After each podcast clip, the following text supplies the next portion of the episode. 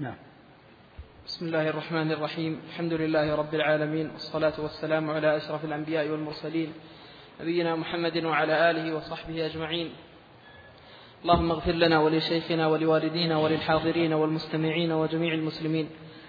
قال المؤلف رحمه الله تعالى باب قول الله تعالى ولئن أذقناه رحمة منا من بعد ضراء مسته ليقولن هذا لي وما أظن الساعة قائمة. ولئن رجعت إلى ربي إن لي عنده للحسنى فلننبئن الذين كفروا بما عملوا ولنذيقنهم من عذاب غليظ. قال مجاهد هذا بعملي وأنا محقوق به.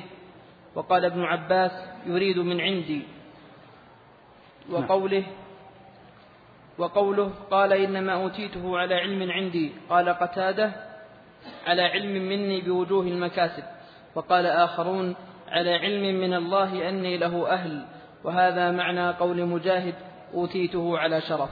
بسم الله. عقد الباب رحمه الله تعالى على الآية. باب قول الله تعالى ولئن أذقناه رحمة منا من بعد ضراء مسته ليقولن هذا لي. أخبر تعالى أن هذا الطبع موجود في الإنسان. أن الإنسان في حال الضر يدعو الله عز وجل على كل الأحوال. قائما وقاعدا وعلى جنبه. ثم إن الله تعالى إذا كشف عنه ضره مر كأن لم يدعو ربه تعالى إلى ضر مسه. وإذا أذيق الرحمة بعد الضراء التي أصابته كان كلامه على ما ذكر الله تعالى عنه. ولئن أذقناه رحمة منا من بعد ضراء مسته ليقولن هذا لي. ما المراد بقوله تعالى لا يقولن هذا لي. من أهل العلم من قال في هذه الآية إن المراد هذا لي أي هذا بعملي وأنا محقوق به أي أنا أستحق وأهل وأستأهل هذا الذي وقع لي. وقال ابن عباس رضي الله عنهما من عندي. يقول إن الإنسان يقول هذا من عندي. لأني إنسان لدي دراية وقدرة ومعرفة وفهم وذكاء. فهذا الأمر من التوفيق الذي وفق الرب عز وجل إليه من أمر تجارة ربحت أو من غيرها. يقول هذا من عندي أنا من جهتي. وقال قتادة على علم مني بوجوه المكاسب يعني يقع من الأثرياء. إذا نجحت تجارته يقول هذا لأني إنسان أفهم أعرف كيف تكتسب. التجارة مهارة وليست كما يفعل الأغرار الذين لا يفهمون ولا يعرفون ويدخلون في التجارة لا يعرفون الفرق ولا يعرفون الوجوه. أنا إنسان لدي دراية ولدي قدرات لدي بالتعبير الحالي الآن مهارات غير عادية. أما هؤلاء فلا يفهمون. بل بعضهم والعياذ بالله يصل بالحد إلى أن يقول إن هؤلاء أغبياء. لو كانوا في مثل حذقي ومهارتي ونباهتي لكانوا على الوضع الذي أنا عليه. قال آخرون من أهل العلم إن المراد بقوله على علم عندي على علم من الله أني أهل لأن أوفق لأن أرزق لأن أصل إلى هذا الأمر الذي وصلت إليه. فتارة يحيل الأمر إلى نفسه بالنظر إلى أن الأمر راجع إلى عمله وأنه عائد إلى فهمه ومهارته. وتارة يحيل الأمر إلى الله لا على سبيل الثناء على الله لكن على سبيل أن الله تعالى حين يسر له هذا الذي تيسر لأن الله يعلم أن هذا الأمر الذي تيسر له أنه هو أهل له وأنه ينبغي أن يكون فيه هو لا في غيره إذ هو المستحق وغيره لا يستحق. وهذا نسأل الله العافية والسلامة من أشد ما يكون في الجفاء وقلة الأدب مع الله ونسبة النعمة إلى غير الله عز وجل تارة بأن ينسبها إلى نفسه وإلى مهارته وحذقه وتارة وإن نسبها إلى الله إلا أنه يقول إن الله تعالى إنما يسر هذا الذي يسر لعلم الله بأني أنا مستحق أن يقع علي هذا الأمر. فيحيل الأمر لا إلى محض نعمة الله ولكن إلى استحقاقه هو. فهذا طبع لئيم في الإنسان الذي لم تزكه التقوى ولم يزكه العلم والإيمان. وهذه الوجوه لا مناقضة بينها. يمكن أن تصح جميعا. فيوجد في الناس من يتجه هذه الوجهة بأن يقول هذا راجع إلى درايتي وفهمي ومعرفتي. ومنهم من يقول إن هذا الأمر قد قدره الله لعلمه أني أهل لذلك وغير وغيري لا يستحق مثل هذا. وهذا الحقيقة كثير في الناس. يوجد في الأثرياء يوجد في الطلاب. كثير من الطلاب ينسب إلى نفسه النجاح. فيقول هؤلاء الطلاب الذين لا يحصلون على الشهادات أو على الدرجات العالية هذا لأنهم ليسوا في فهمي وحذقي وإذا خرجت نتيجته بدأ يثني على نفسه وعلى جهوده التي بذلها وينسب إلى نفسه مثل هذه العبارات. هذا سهر الليالي هذا الكد والتعب الذي بذلته هذا المعرفة والدراية مني وفهمي وأني لست مثل أولئك الأغبياء الذين يفهمون عياذا بالله في عبارات في غاية الفظاعة. عبارات في غاية الوحاشة. كل هذا لا يحل ولا يجوز. ولما جيء لسليمان عليه الصلاة والسلام بعرش بلقيس من اليمن وجعل عنده في الشام. قبل أن يقوم من مقامه. قبل أن يرتد إليه طرفه. أول ما رأى العرش قال هذا من فضل ربي ليبلوني أأشكر أم أكفر. هذا هو المنهج السليم الذي عليه الرسل عليهم الصلاة والسلام ومن سلك على طريقهم. وإلا هذا أمر مهول وعجيب أن يؤتى بعرش من اليمن إلى الشام. ليبلوني أأشكر أم أكفر. هذا هو الأمر أن هذا ابتلاء من الله تعالى. هل يشكر هذا العبد؟ أم أم يكفر ومن شكر فإنما يشكر لنفسه. ومن كفر فإن الله غني حميد. فالواجب أن تحال النعمة إلى الله عز وجل وأن يعلم العبد أن الله تعالى إذا امتحنه بالضراء. فإنما امتحنه ليصبر كما تقدم في باب الصبر. وإذا أعطاه الرحمة بعد الضراء فليكن حذرا أنه إن لم يقم بشكرها فإنها تكون عليه نقمة عياذا بالله. فليجأر إلى الله عز وجل بأن يعينه على شكرها. وليجهر بشكرها وليحلها إلى الله تعالى ومحض فضله وإحسانه سبحانه وتعالى. نعم. وعن أبي هريرة أنه سمع رسول الله صلى الله عليه وسلم يقول إن ثلاثة من بني إسرائيل أبرص وأقرع وأعمى فأراد الله أن, يبتل أن يبتليهم فبعث إليهم ملكا. فأتى الأبرص فقال أي شيء أحب إليك؟ قال لون حسن وجلد حسن.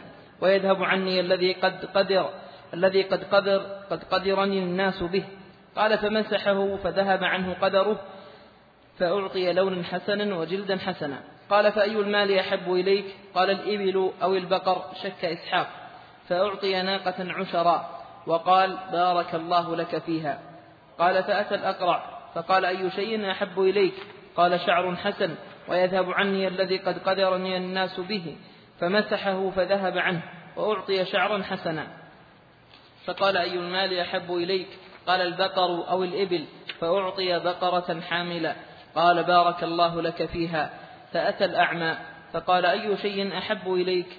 قال أن يرد الله إلي بصري فأبصر به الناس. فمسحه فرد الله إليه بصره. قال فأي المال أحب إليك؟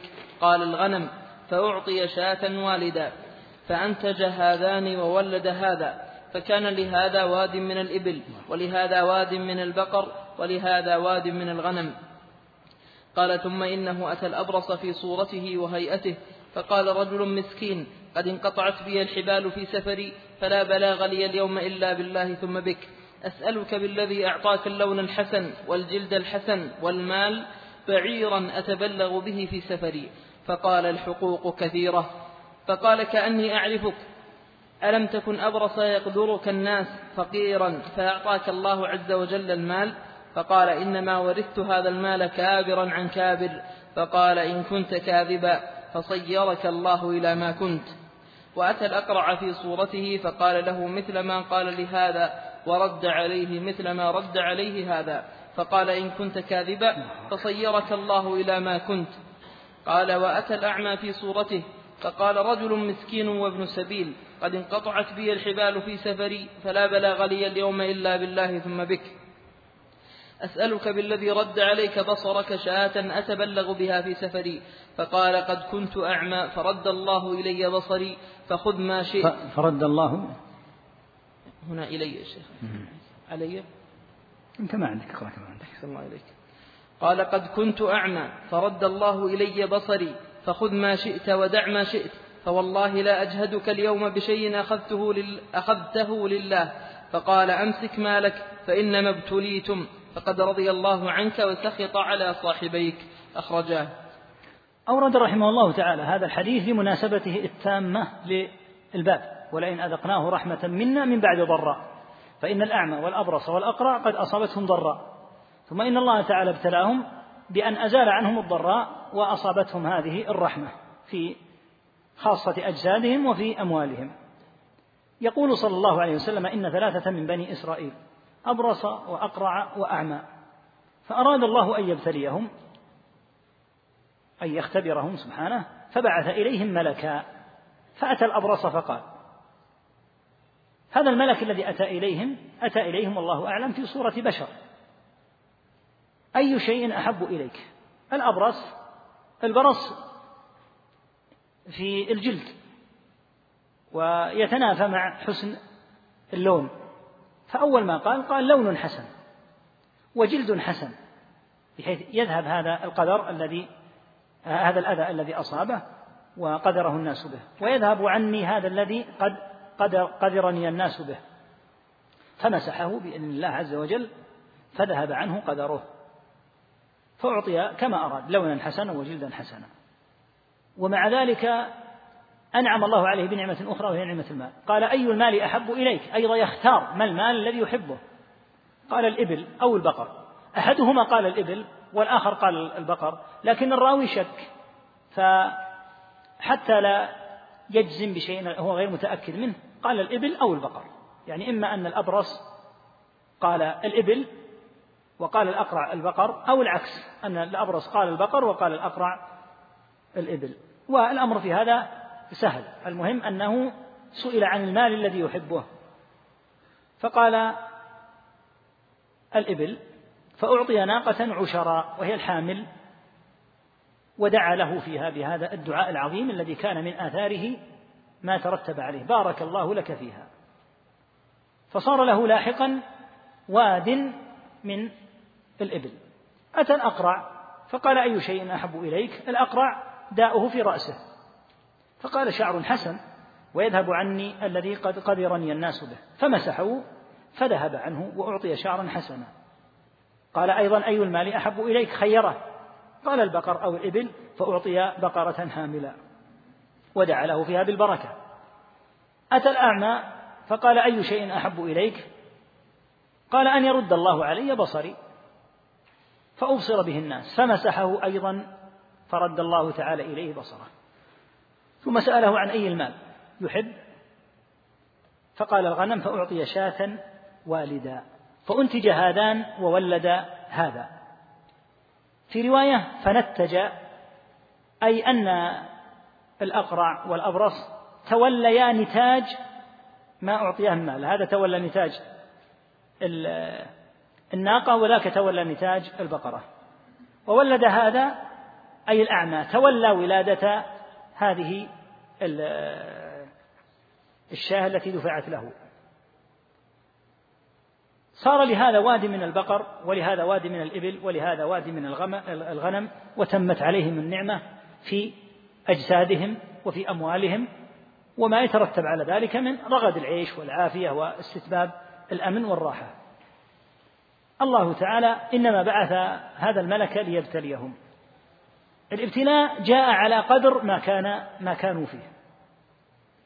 جاء الملك إلى الأبرص في نفس صورته. أبرص وعلى حال يظهر عليه الحاجة والفقر وسأله بالله عز وجل وأخبره بوضعه فقال رجل مسكين. وابن سبيل ابن السبيل هو الذي انقطع ممن ليسوا من أهل البلد لكن لما سار في طريقه انتهت نفقته أو ضاعت فصار ابن من؟ ابن السبيل يعني ابن الطريق ما عنده إلا الطريق كأن الطريق ولدته لأن أهله في بلده ولا يستطيع أن يصل إليهم حتى يعان فهذا شرعا يعطى من الزكاة حتى لو كان في بلده غنيا إلا أن يستطيع مثل ما هو حاصل الآن إلا أن يستطيع الحصول على المال من بلده كأن يطلب تحويلا مثلا. هذا وضع آخر لا يحل معه الزكاة. لكن إذا انقطع ولم يتمكن فهو ابن سبيل يعطى من الزكاة حتى لو كان غنيا في بلده. أتى إليه فقال رجل مسكين وابن سبيل. وكل واحدة من هذه تكفي لأن تبعث الشفقة. رجل أبرص كما كنت أبرص وحاله فقيرة فهو مسكين. وليس أي مسكين ليس من أهل البلد بل هو ابن سبيل. يقول قد انقطعت بي الحبال وهي الأسباب في سفر هذا. فلا بلاغ لي اليوم إلا بالله ثم بك. وهذا الشاهد لما قلناه في أمر التسوية في أمر المشيئة أنها تجوز بقولك ثم لأن الملك هنا قال فلا بلاغ لي اليوم إلا بالله ثم بك. فدل على أنه يجوز أن تقول ليس لي إلا الله ثم أنت. أو لا بلاغ لي إلا بالله ثم بك لأن الملك لا يشرك الملك لا يقول كلمة شركية فدل على أنها تجوز. فسأله بالله أيضا هذا أمر عظيم جدا. والواجب إذا سئل العبد بالله أمرا يستطيعه أن يبذل السؤال. ولهذا من الأخطاء الشائعة في الناس أنه لو أراد له قلم قال بالله أعطني القلم هذا خطأ ما يصلح. بالله قرب لي الماء. السؤال بالله عظيم ولا يسأل بالله عز وجل أي شيء. فهذه العبارة إذا أردت أن تسأل بالله فإنه لا يسأل بالله عز وجل إلا في أمر عظيم لا يسأل بالله في أي شيء. فيكون إنسان يمكن في اليوم الواحد يقولها عشرين مرة بالله أعطني القلم بالله اجلس بالله أخبرني عن كذا. فيسأل بالله عدة مرات السؤال بالله عظيم ولا يسأل بالله عز وجل في الأمور التوافه التي مثل هذه. فقال أسألك بالذي أعطاك اللون الحسن والجلد الحسن يعني وأنت ترى حالي لوني وجلدي كما كنت في السابق. وترى هيئتي وترى فقري والمال بعيرا واحدا من هذا الوادي كله. أريد بعيرا واحدا. وماذا أريد بالبعير؟ أتبلغ به في سفري لأني ابن سبيل. فقال الحقوق كثيرة. في مطالب وهناك مستلزمات. وليس الموضوع لك وحدك أنت. هناك حقوق كثيرة. لست وحدك الذي يعني ترد في هذا المال. فقال كأني أعرفك. يقول الملك ألم تكن أبرص يقدرك الناس فقيرا فأعطاك الله المال؟ هنا الجحد. ولئن أذقناه رحمة منا من بعد والراء مسته ليقولن هذا لي. فقال عياذا بالله إنما ورثت هذا المال كابرا عن كابر. ورثته عن أبي وأبي عن جده وهكذا. يعني يريد أن يقول إن النعمة فينا متسلسلة وإن أبناء ثراء فلا نعرف الفقر لا نحن ولا آباؤنا. يعني كأن تلك النعمة كأن تلك الحال التي زالت وغيرها الله عز وجل بهذه النعمة كأنها ما كانت. قال إنما ورثت كابرا عن كابر. أو أن المراد أن الشرف فينا موجود. فدعا عليه الملك بهذه الدعوة إن كنت كاذبا. يعني في هذا الذي تقول الآن فصيرك الله إلى ما كنت. يعني جعلك الله عز وجل تعود إلى الوضع الذي كنت عليه. أتى الأقرع في صورته وهيئته فقال له نفس ما قال لهذا وطلب منه نفس ما طلب لكن بما يتناسب مع كونه عنده بقرا طلب بقرة من وادي كامل فيه بقرة فرد بنفس الرد فدعا عليه الملك إن كنت كاذبا فصيرك الله إلى ما كنت. قال بعض أهل العلم الذي يظهر والله أعلم أن الله قبل دعوة الملك وأعادهما إلى ما كان إليه قبل ذلك. نسأل الله العافية والسلامة. أتى الأعمى في صورته وهيئته. الأعمى الآن يبصر الناس. أتاه رجل أعمى كما كان في السابق أعمى.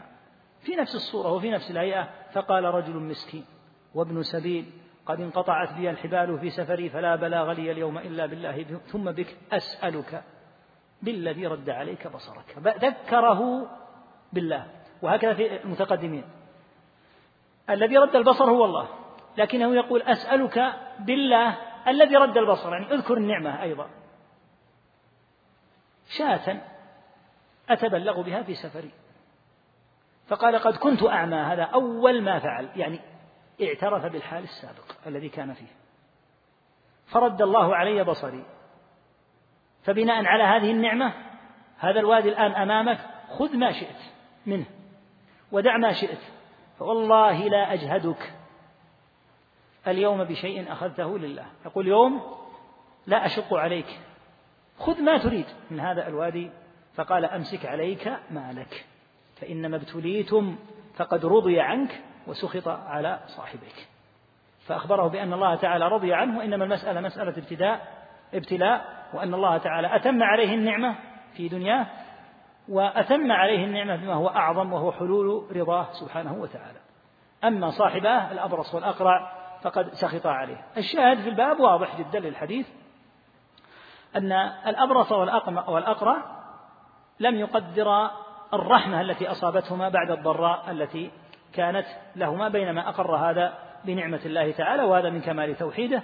أما أولئك فلأنهما لم يرعيا النعمة زعم أن الأمر لهما وأن المال فيهما كابرا عن كابر ونحو ذلك من العبارات. نسأل الله العافية والسلام نعم. قال رحمه الله تعالى باب قول الله تعالى فلما آتاهما صالحا جعل له شركاء فيما آتاهما فتعالى الله عما يشركون. قال نعم. ابن حزم نعم. اتفقوا على تحريم كل اسم معبد لغير الله كعبد عمرو وعبد الكعبة وما أشبه ذلك. حاشا عبد المطلب. نعم.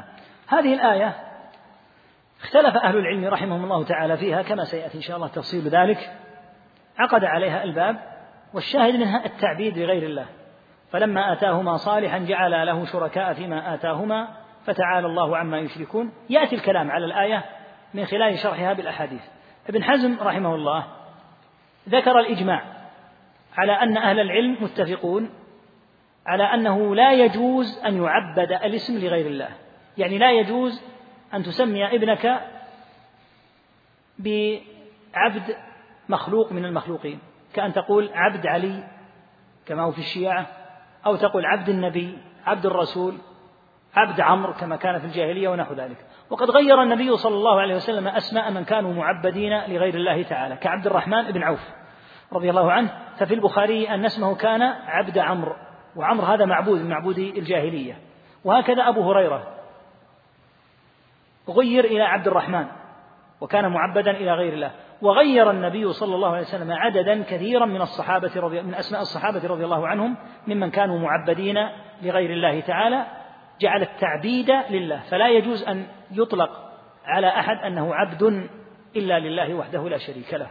ومن الأمور الطيبة في هذه البلاد أن الأحوال المدنية لا تكتب في البطاقات اسم أحد معبد لغير الله تعالى. فإذا جاء الرافضي وقال اسم ابني عبد الحسين لم يوافقه. لا يكتب عبد الحسين ولا عبد علي ولا عبد الرسول ولا عبد أحد إلا عبد الرب سبحانه وتعالى. فالواجب أن تغير جميع الأسماء. فمن أسلم واسمه مثل آه، بعض النصارى عبد المسيح لا يحل أن يبقى. يجب أن يغيره. فيسمي باسم عبد الله أو عبد الرحمن أو بأي اسم. لكن يغير عبد المسيح وهكذا أي اسم الواجب أن يغير.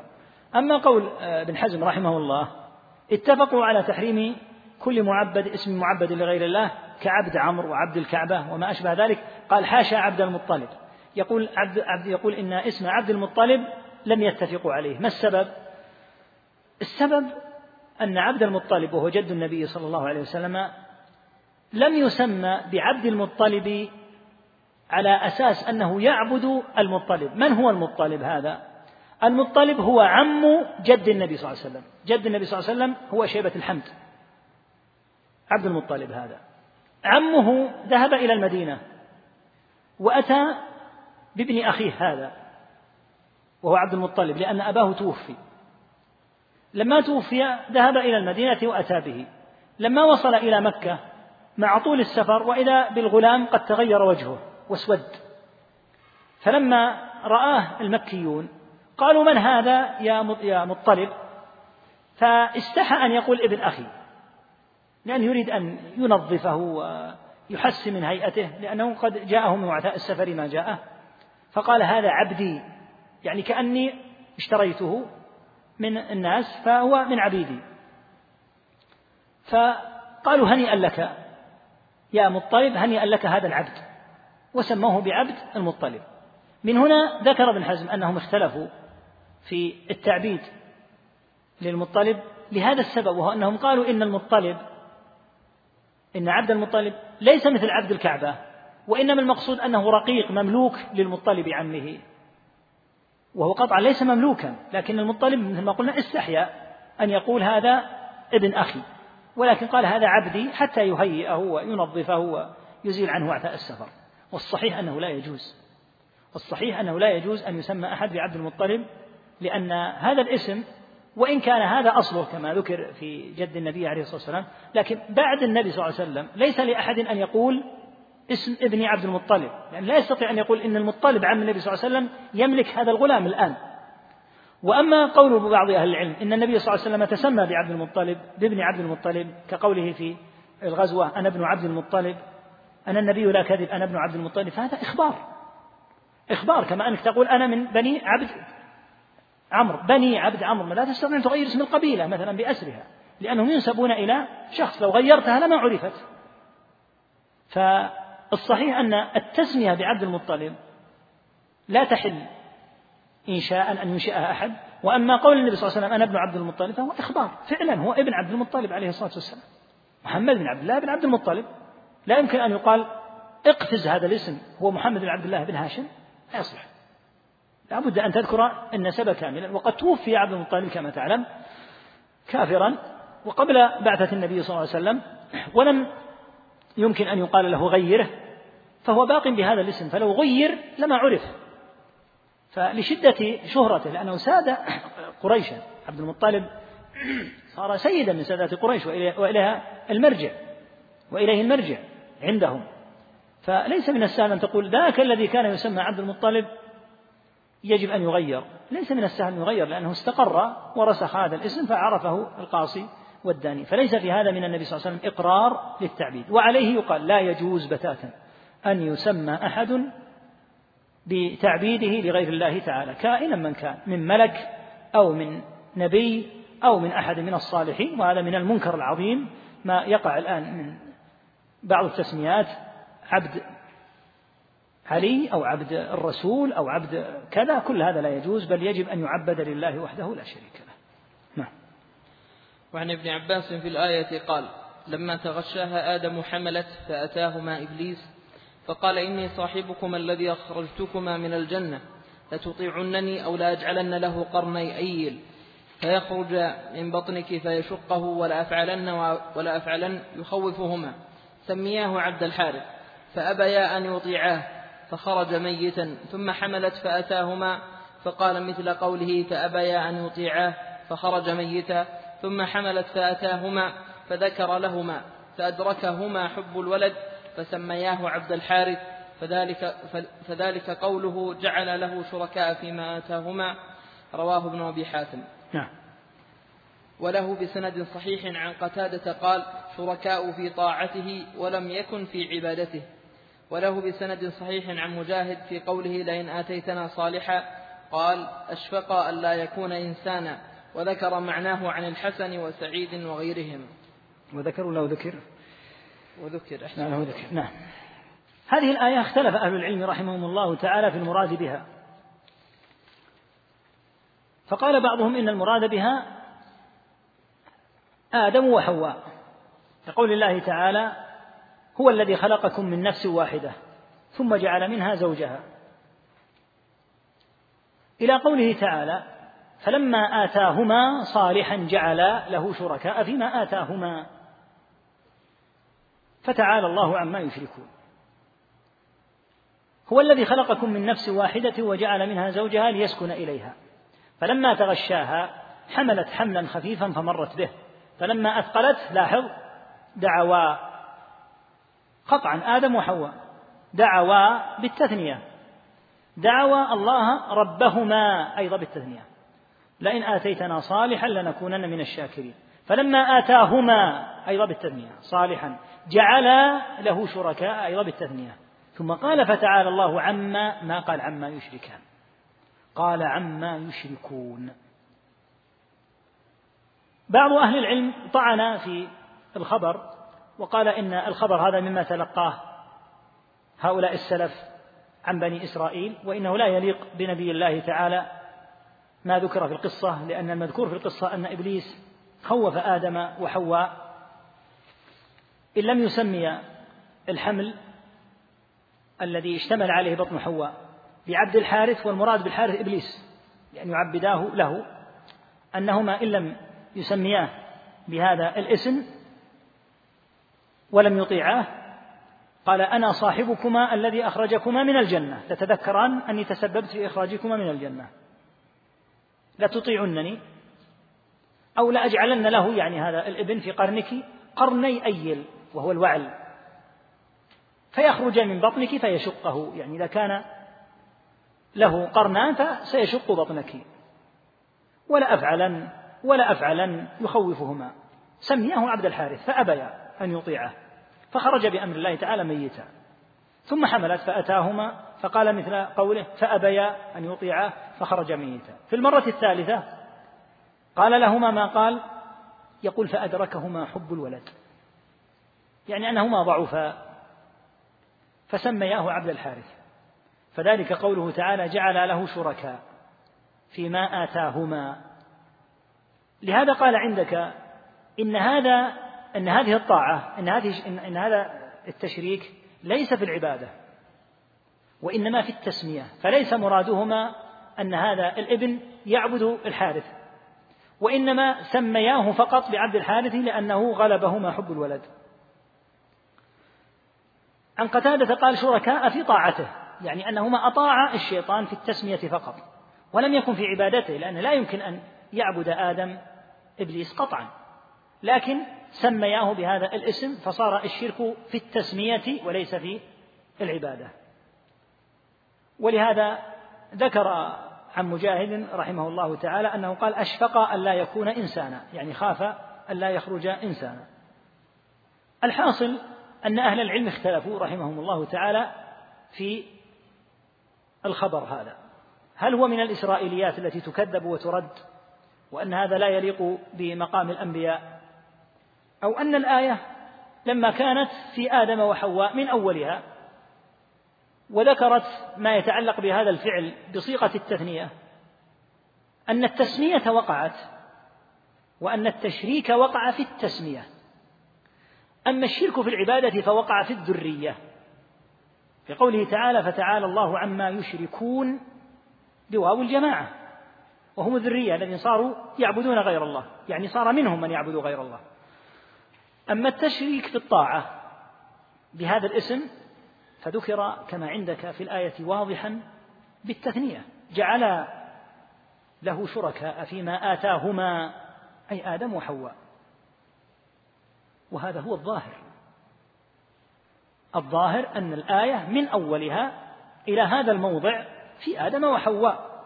ولهذا لو قال قائل إن هذه أخبار لا تثبت أو في سندها كذا أو لا يصح ماذا يفعل؟ بنص الآية بصريح الآية بالتثنية. هو الذي خلقكم من نفس واحدة وجعل منها زوجها. فعندنا اثنان. ثم قال جعل دعوى فلما آتاهما كل هذا بالتثنية.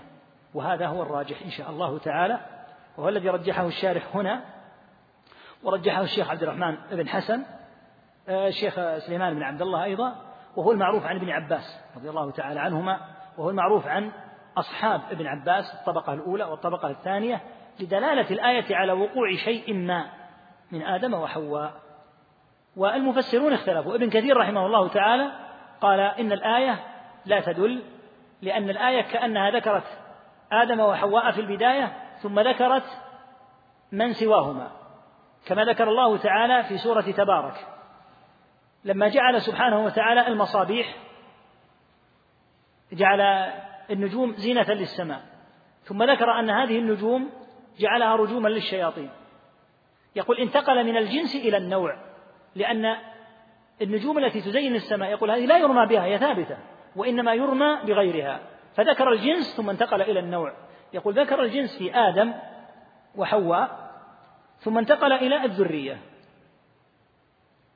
يقول ولا يثبت ولا تثبت مثل هذه الأخبار ولا يليق أن يكون مثل هذا واقعا من آدم. والذي يترجح والعلم عند الله تعالى هو القول الأول وهو أن ثمة شيئا من التشريك في التسمية.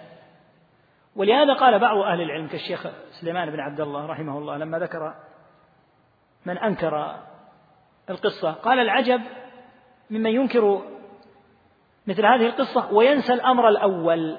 ما الأمر الأول؟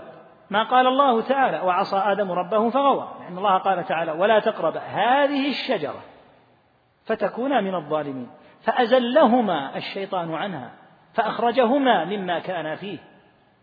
فوجه الله تعالى إليهما الأمر بأن لا يقربا الشجرة. فالشيطان ماذا قال لهما؟ مناهما. هنا خوفهما. قال المانع لكما من أن تكونا ملكين أو تكونا من الخالدين هو أنكما لم تأكلا من الشجرة. فإن أكلتما من الشجرة إما أن تكونا من الملائكة أو أن تخلدوا وتبقوا أو أن تخلدا وتبقى وتبقيا في الدنيا. فأطاعه. فهذه الطاعة يقول مثل الطاعة هنا. قال تعالى وعصى آدم ربه فغوى. ألم أنهكما عن تلكما الشجرة؟ وأقل لكما إن الشيطان لكما عدو مبين. يقول فالذي أطاع في الأول ضعف عليه الصلاة والسلام في هذا الموضع كما قال تعالى ولقد عهدنا إلى آدم من قبل فنسي ولم نجد له عزما. يقول فضعف هنا كما ضعف في المرة الأولى. قال فبناء عليه كيف تنكر هذه القصة مع وجود التثنية؟ هنا مثل التثنية الموجودة في خبر الشجرة تماما ولا تقربا هذه الشجرة. فتكون من الظالمين فأزلهما. يقول هنا دعوا الله ربهما. ما الفرق؟ قال فالصحيح أنه وقع منهما شيء في التسمية. ولهذا قال جعل له شركاء فيما آتاهما. هذا في آدم وحواء. لكن الشرك الأكبر لا يمكن أن يقال أنه وقع منهما. لهذا قال فتعالى الله عما يشركون أي الذرية. وهذا الذي اختاره ابن جرير رحمه الله تعالى وهو في غاية القوة. أما القول الثاني ففيه تمحل والله أعلم وفي الصعوبة أن يقبل. يعني إذا قيل أن التثنية الآن ليست في آدم في من؟ وحواء في من تكون؟ قالوا تكون في غيرهما. من من غيرهما؟ هو الذي خلقكم من نفس واحدة. حتى تمحل الرازي وتكلف تكلفا فقال إن المقصود بالكلام قريش فيعود الكلام إلى قصي جدهم. فيكون المقصود قصي وزوجه وأنتم يا معاشر الذرية. هذا كلام فيه بلا شك شيء من التكلف والتنطع الزائد. بل الذي وقع منهما عليهما صلاة الله وسلامه أن حصل منهما مثل هذا الذي حصل. ثم إن الله تعالى ثم إنهما استغفر الله عز وجل كما استغفراه من الأولى وهذا كان من الابتلاء الذي وقع. فالشاهد من الآية والحديث والآثار هذه أنه لا يحل التعبيد لغير الله عز وجل أيا كان المعبد. نعم. قال رحمه الله باب قول الله تعالى ولله الأسماء الحسنى فادعوه بها وذروا الذين يلحدون في أسمائه. الآية ذكر ابن أبي ذكر ابن أبي حاتم عن ابن عباس يلحدون في أسمائه يشركون وعنه سموا اللات من الإله والعزى من العزيز وعن الأعمش يدخلون فيها ما ليس منها. الله عز وجل كما تقدم تمدح بالأسماء الحسنى وكلمة الحسنى اسم تفضيل فهي ليست حسنة فقط بل هي حسنى بالغة في الحسن أعلاه وأجله. ولهذا أمر الله أن يدعى بهذه الأسماء فتقول يا رحمن ارحمني يا غفور اغفر لي يا رزاق ارزقني. فادعوه بها. وذروا أن يتركوا الذين يلحدون. الإلحاد أصله الميل ومنه سمي اللحد. لأن اللحد مائل عن سمت القبر. لا يكون القبر شق من أول إلى آخر وإنما يمال إلى جهة القبلة. وذروا الذين يلحدون في أسمائه سيجزون ما كانوا يعملون. ففيه تهدد شديد لهؤلاء الذين يلحدون في أسماء الله.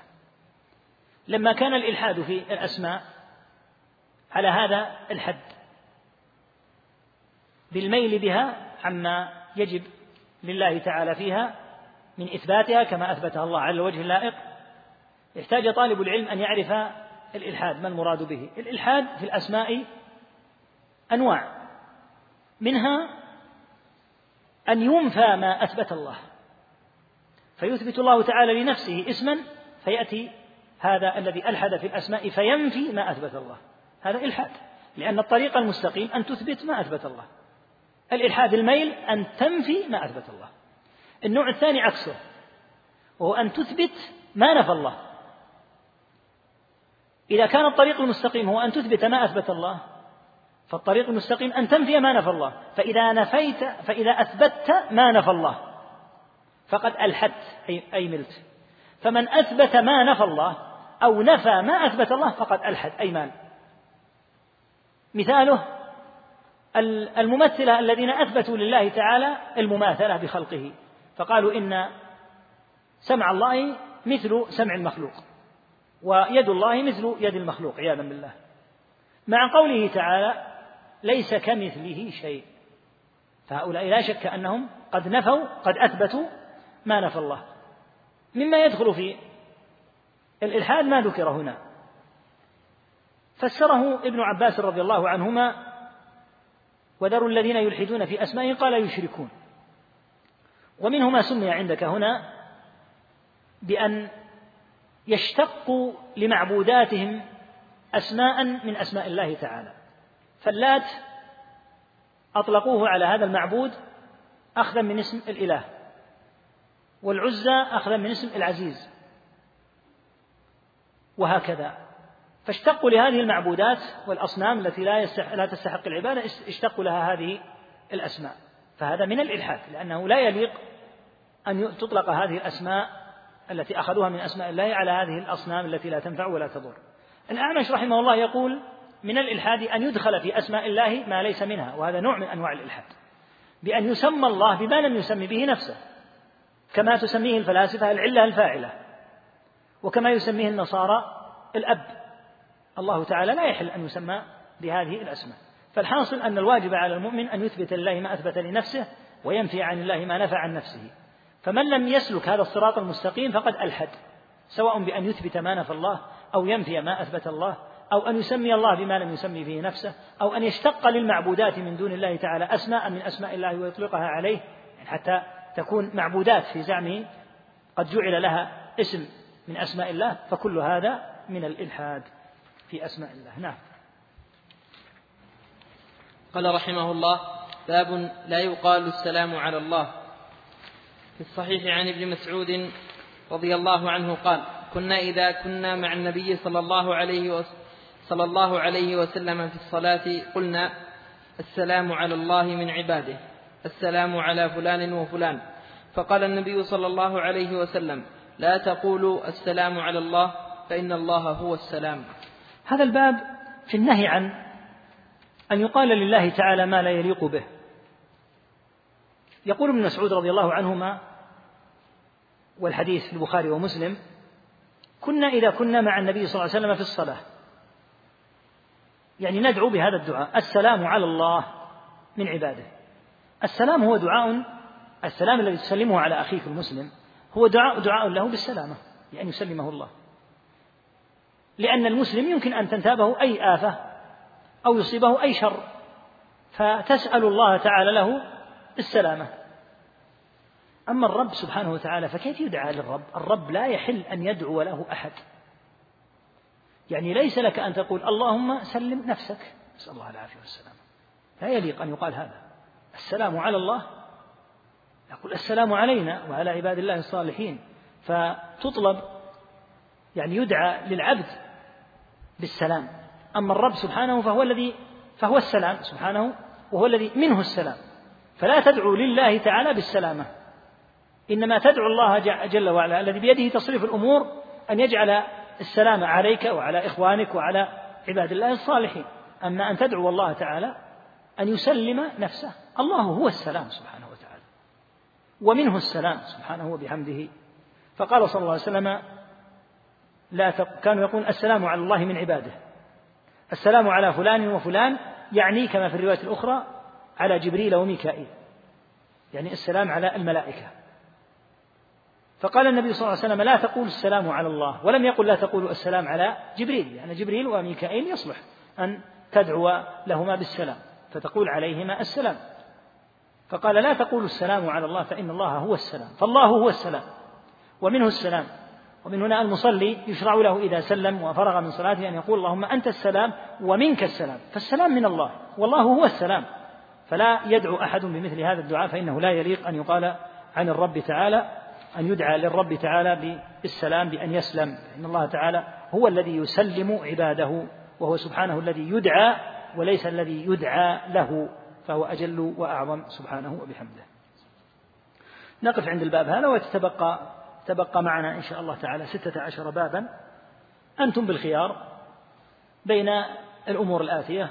إن رغبتم أن يؤجل الدرس إلى بداية الفصل القادم إن كان عندكم اختبارات وعندكم ارتباطات ثم يوضع موعد يعلن عنه للجميع إن شاء الله تعالى ونحضر ويوم واحد بإذن الله تعالى وننهي إن شاء الله الدرس الكتاب. وإن رغبتم مثل هذا اليوم الثلاثاء إن شاء الله تعالى. نبدأ العصر ما نبدأ المغرب حتى نتأكد إن شاء الله من أن أنهينا الكتاب. بحيث نبدأ العصر ولعلنا ننتهي إن شاء الله قبل العشاء إن يسر الله تعالى وربما نأخذ يعني وقتا يسيرا بعد العشاء. وإن رغبتم الخميس أيضا في فترة الضحى نبدأ التاسعة والنصف أو العاشرة ونأخذ يعني نحو من الساعة بعد الظهر فينتهي الكتاب إن شاء الله تعالى بهذا. سم. الذي تريدون تريدون الخميس هذا أو الخميس الذي يليه؟ وهكذا الثلاثاء تريدون الثلاثاء القادم أيضا؟ هنا شيخ الله إليك أوراق هذه وزعتها الإخوان طيب جدا. إيش نتيجة؟ تقريبا ثمانية أصوات للثلاثاء القادم وأقل منها ستة للخميس. إيه. يعني أكثر الإخوة يريدون الثلاثاء القادم؟ تقريبا يعني ولو اللي عنده رأي الآن يطرح هذا الشيخ مباشرة. أي هذا صحيح. الأسبوع كامل الفارغ ما في دروس. زين. طيب من يريد من يرغب أن يكون السبت حتى يكون فيه مسافة فاصلة كبيرة بين الثلاثاء وبين الوقت؟ السبت إن شاء الله القريب هذا. والله يبدو أن كثير يريدون السبت لأنه ما طرح. فخلاص نعتمد بإذن الله تعالى السبت ويكون بعد العصر. وحتى يكون عند الإخوة مثل حتى والله أنا مشغول أيضا. وأسهل لي وأحب لي أن يكون السبت حتى يفرغ عندي الخميس.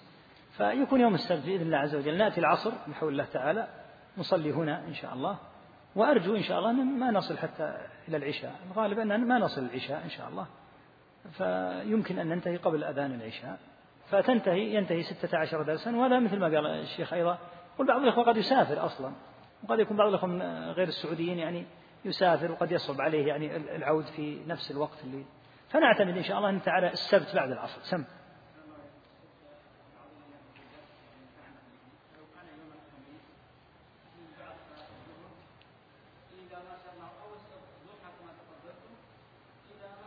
بس الإخوان عندهم إشكال من جهة ال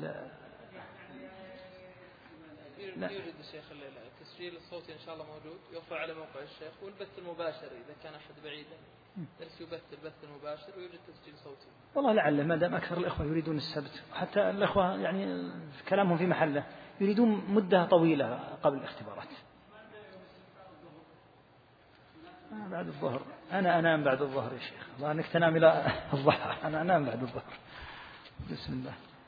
يقول الأخ لو أن الرجل حلف وقال والله إن شاء الله ما أفعل هذا ثم فعل هل يلزمه الكفارة؟ لا. إذا استثنى في أثنائه قال والله لأسافرن اليوم إن شاء الله. إذا قال إن شاء الله ما يل... هذه مزية يعني المشيئة في الحلف. لك أن تتحلل بدون كفارة لك أن يعني أن لا تفعل بدون كفارة.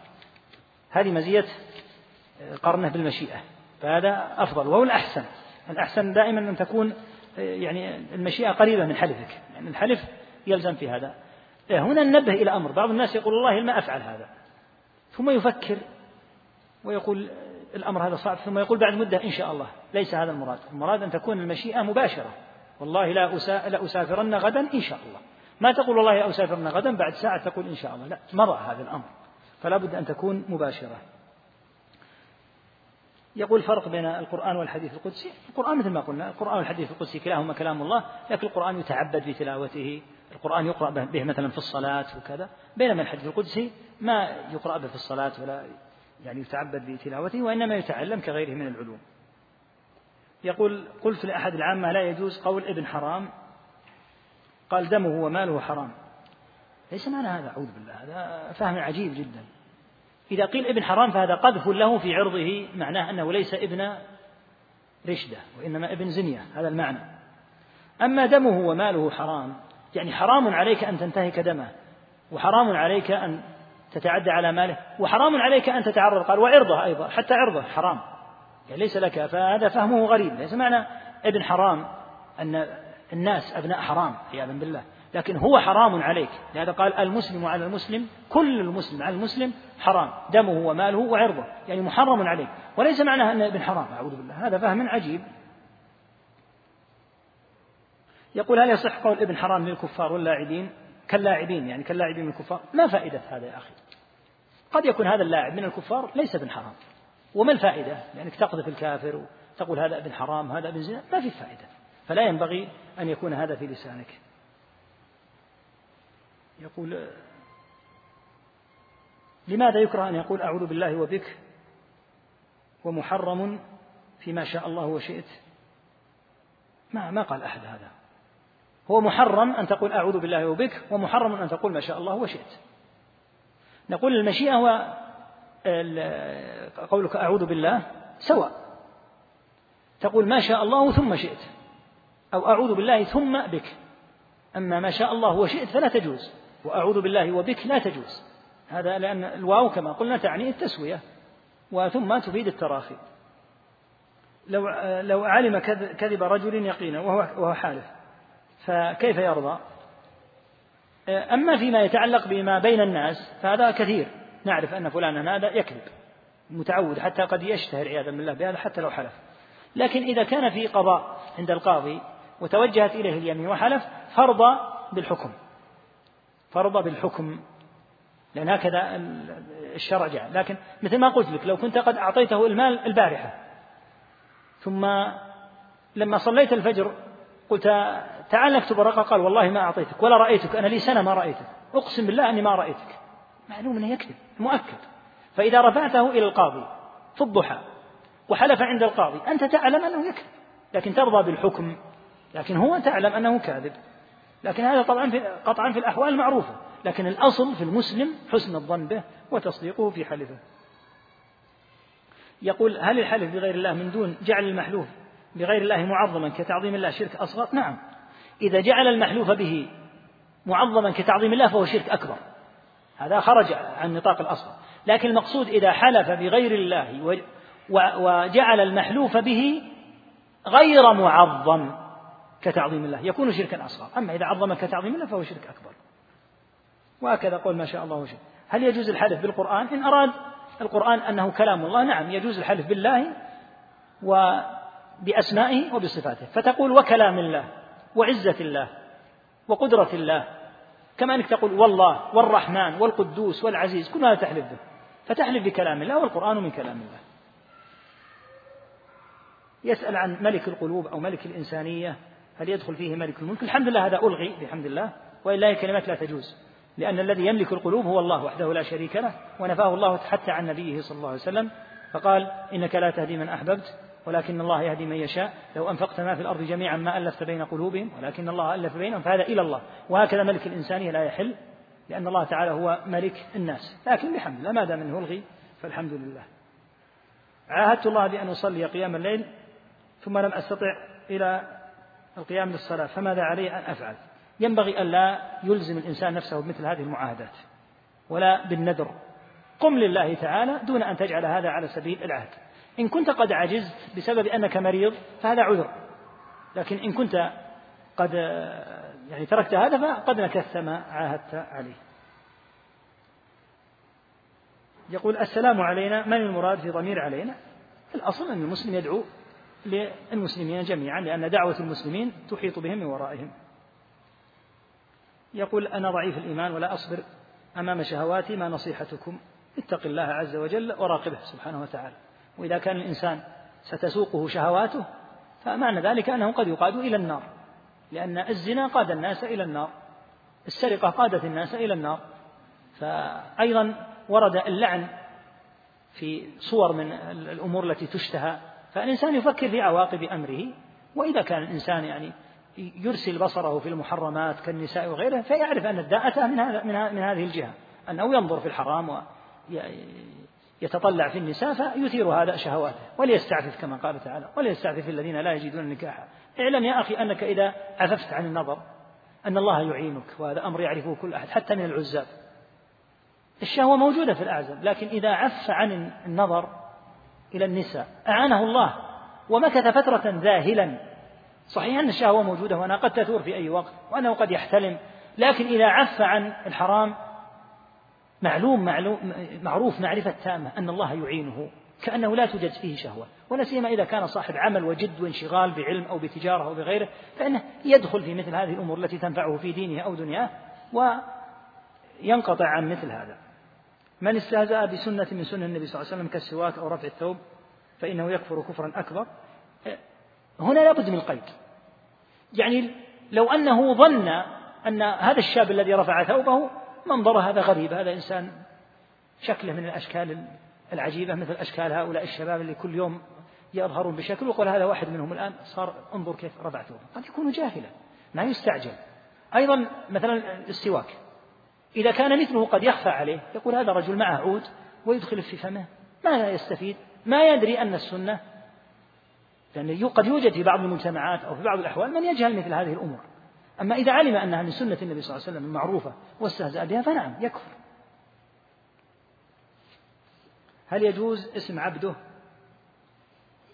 يظهر أن مقصودهم الذي يظهر أن مقصودهم أنه عبده أي عبد الله لكن لا شك أن هذا الضمير إلى ما يرجع فينبغي أن يسمى باسم غير هذا. العرب تسمي باسم عبد بدون الضمير هذا. عبد ابن حميد رحمه الله مثلا عبد. يصح صحيح لأن الإنسان عبد. أو يعبد لله تعالى فيقول عبد الله وعبد الرحمن. يقول الشائع لدى الناس عبد الله هذا الذي يظهر.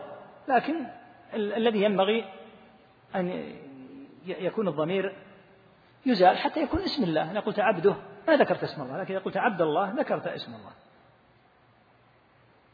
يقول ما هو سبب اسم عبد مناف؟ لا عبد مناف هذا معبود عندهم.